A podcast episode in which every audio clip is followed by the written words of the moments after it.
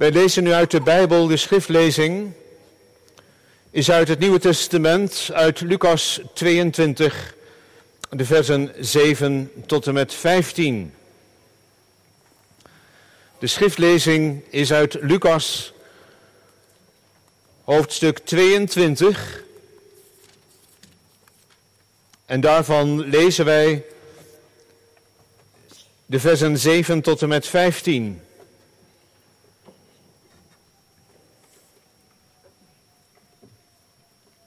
Meest spannende moment is aangebroken in het leven van Jezus.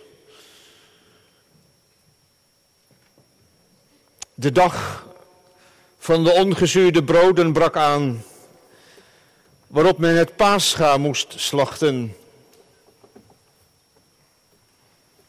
En hij stuurde Petrus en Johannes erop uit en zei, ga heen, maak voor ons het paascha gereed zodat wij het kunnen eten. Ze zeiden dan tegen hem, waar wilt u dat wij het gereed maken? En hij zei tegen hen, zie, als u de stad binnengaat, zal iemand u tegen tegemoet komen die een kruik water draagt. Volg hem naar het huis waar hij binnengaat. En u zult tegen de heer des huizens zeggen, de meester, zegt u, waar is de eetzaal waar ik het paascha met mijn discipelen eten zal. En hij zal u een grote bovenzaal wijzen, die volledig is ingericht. Maak het daar gereed. Zij nu gingen weg en vonden het zoals hij hun gezegd had, en zij maakten het paascha gereed. En toen het uur gekomen was, ging hij aan tafel aanliggen en de twaalf apostelen met hem. En hij zei tegen hen, ik heb er vurig naar verlangd dit paascha met u te eten voordat ik ga lijden. Lezen wij nu de tekst voor de verkondiging uit 1 Korinthe 11. Vervolg van afgelopen zondag in de voorbereiding, waar we ook dit hoofdstuk hebben gelezen, een gedeelte daaruit. We lezen nu de versen 23 tot en met 25, die ook de tekst zijn voor de verkondiging. Want ik heb van de Here ontvangen, schrijft Paulus daar aan de gemeente van Korinthe, wat ik u ook heb overgeleverd, dat de Heer Jezus in de nacht waarin hij werd verraden, brood nam. En nadat hij gedankt had, brak hij het. En zei, neem, eet, dit is mijn lichaam, dat voor u gebroken wordt. Doe dat tot mijn gedachtenis.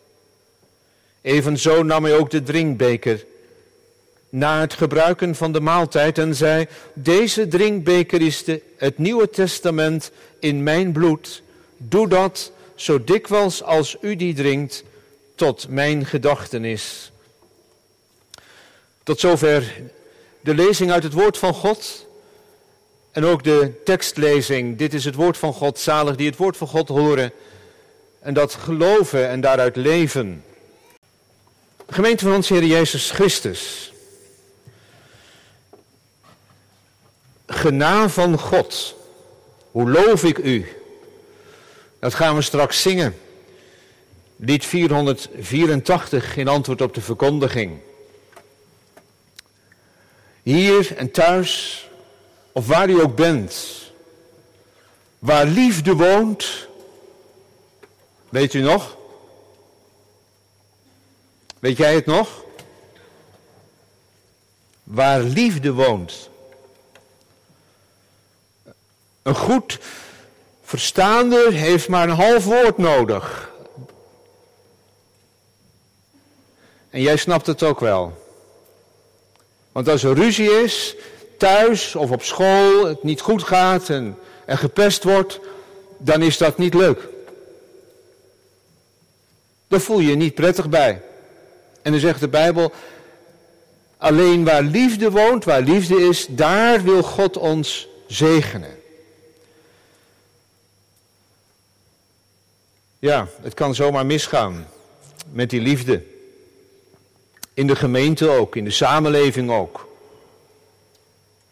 Hokjes denken, clubjesgeest.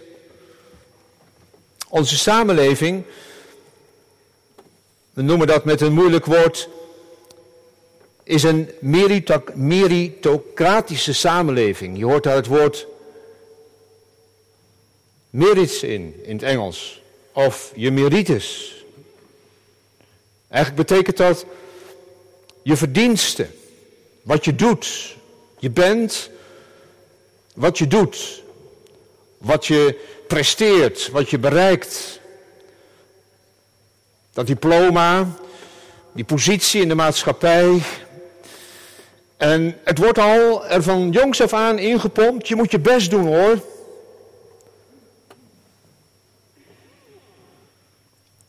Meritocratie, verdiensten. Daar is onze samenleving op gebaseerd. Vroeger was het aristocratie, dan werd je al geboren, dan was je al wat, van adel of je was uit een belangrijke familie. Maar nu moet je het zelf doen. En daar wordt dan bij gezegd, gelijke kansen voor iedereen. Maar wie is iedereen? Je hebt intelligente mensen, je hebt mensen die wat minder intelligent zijn. En daar is ook niks mis mee. We zien echter in de samenleving dat de meer intelligente mensen ook vaak de meer welgestelde mensen zijn.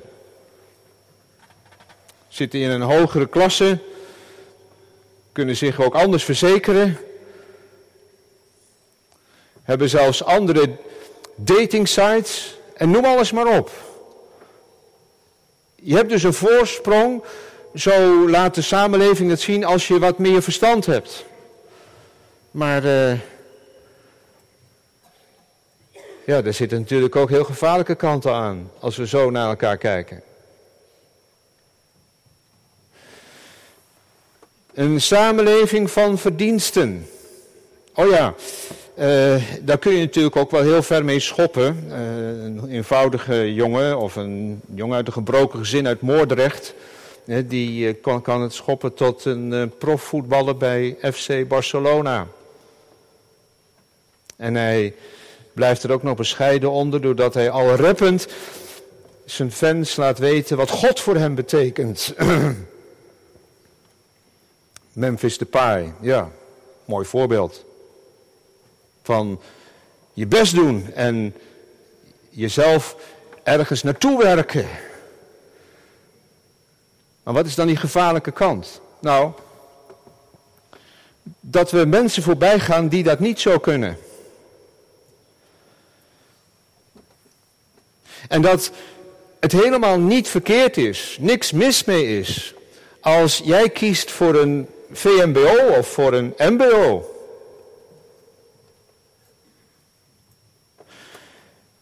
En dat we elkaar in de gemeente ook daar niet op een of andere manier op beoordelen. Op wat wij presteren, op onze intelligentie. Het zou toch mooi wezen als er in de Tweede Kamer wat meer eh, vertegenwoordigers zouden zijn van, de, van het grondpersoneel. Van cashiers, van uh, bouwvakkers, van, van boeren en, en, enzovoort.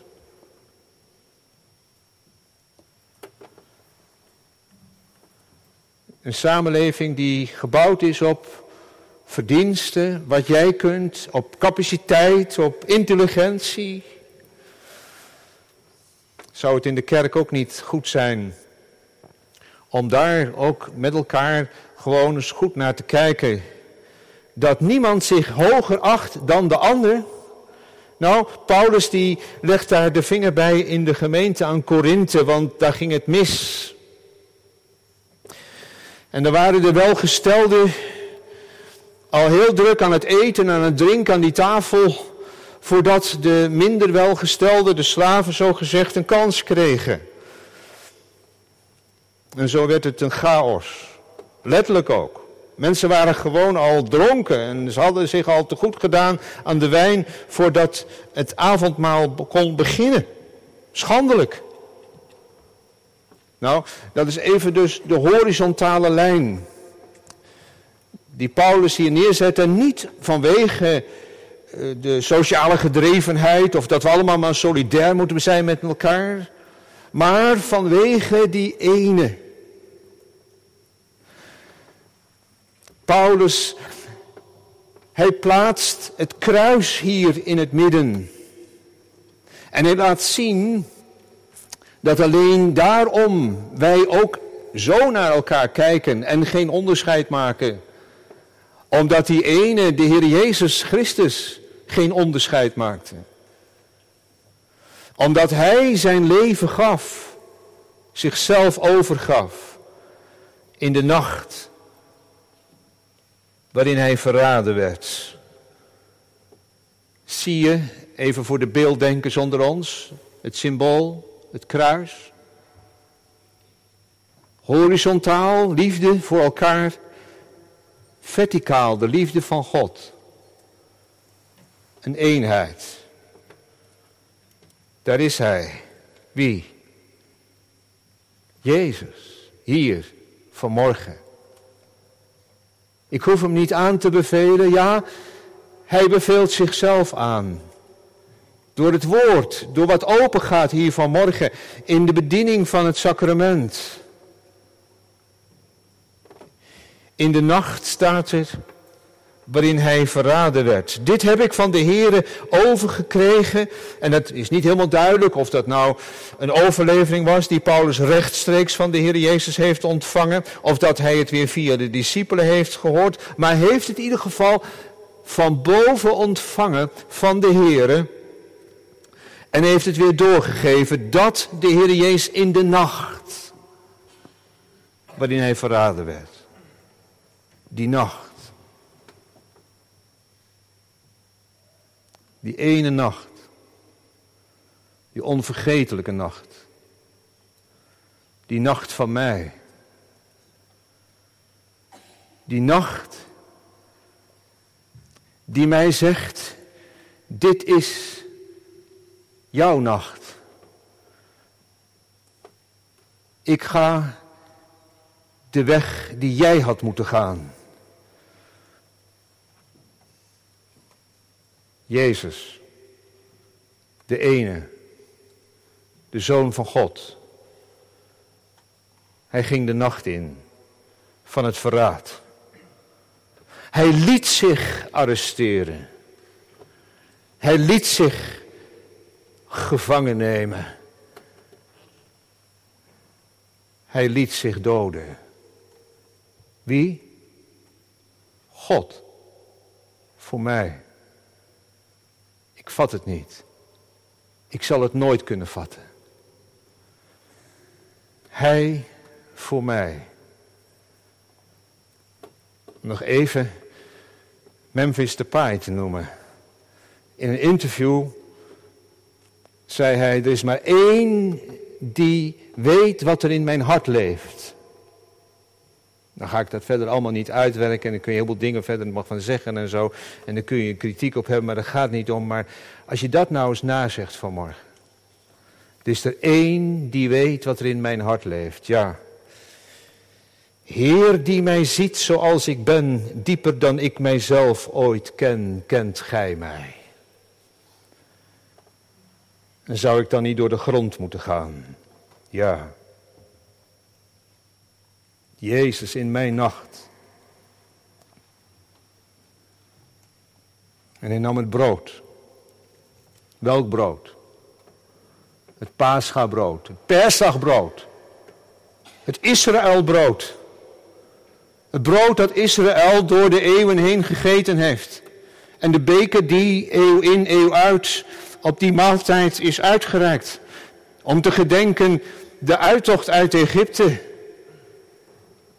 Wij vieren vanmorgen het avondmaal met Israël.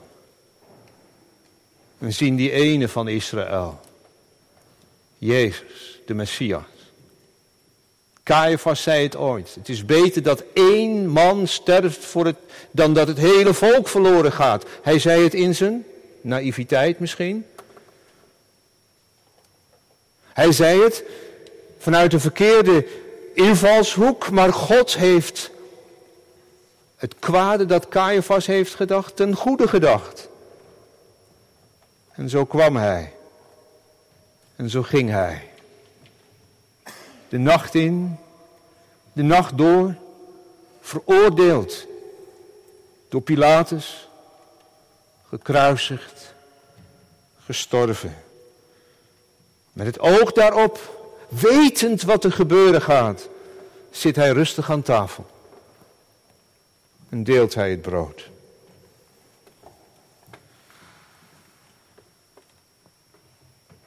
En wie dan ook, hier, thuis.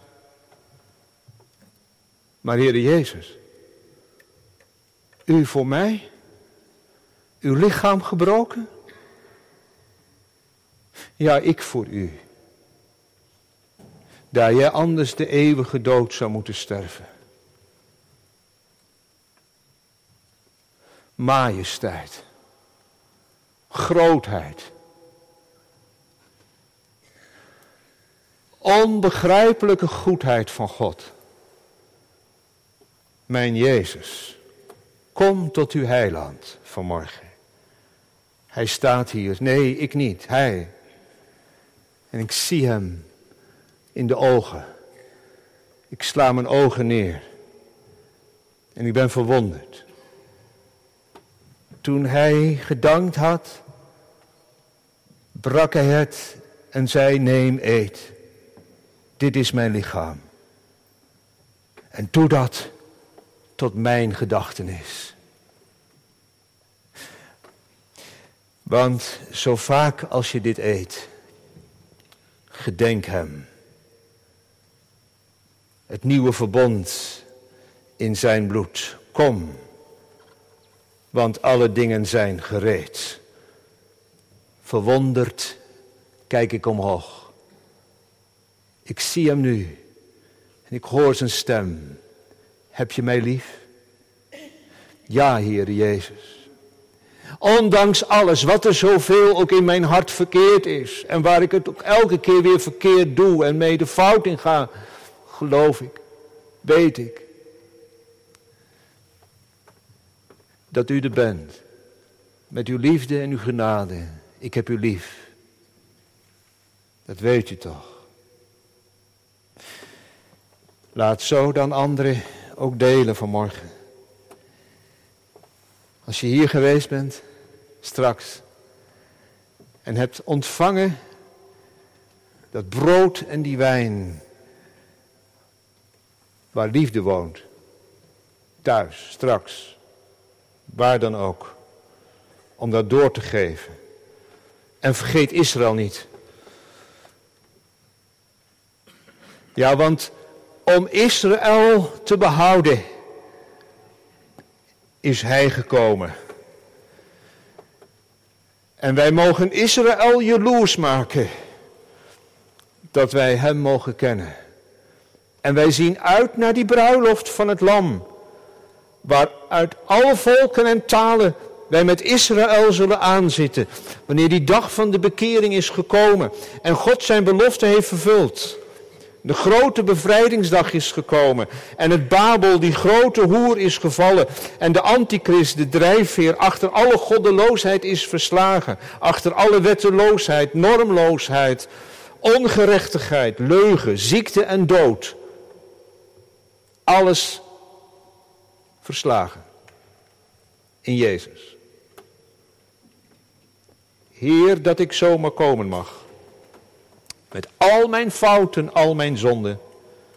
Met al mijn pijn, met alle wonden. Dat niemand, die niemand in mijn leven zag. Heer, dat ik zomaar komen kan met wat ik niemand durf te zeggen. Met al wat ik niemand uit kan leggen. U weet er immers alles van.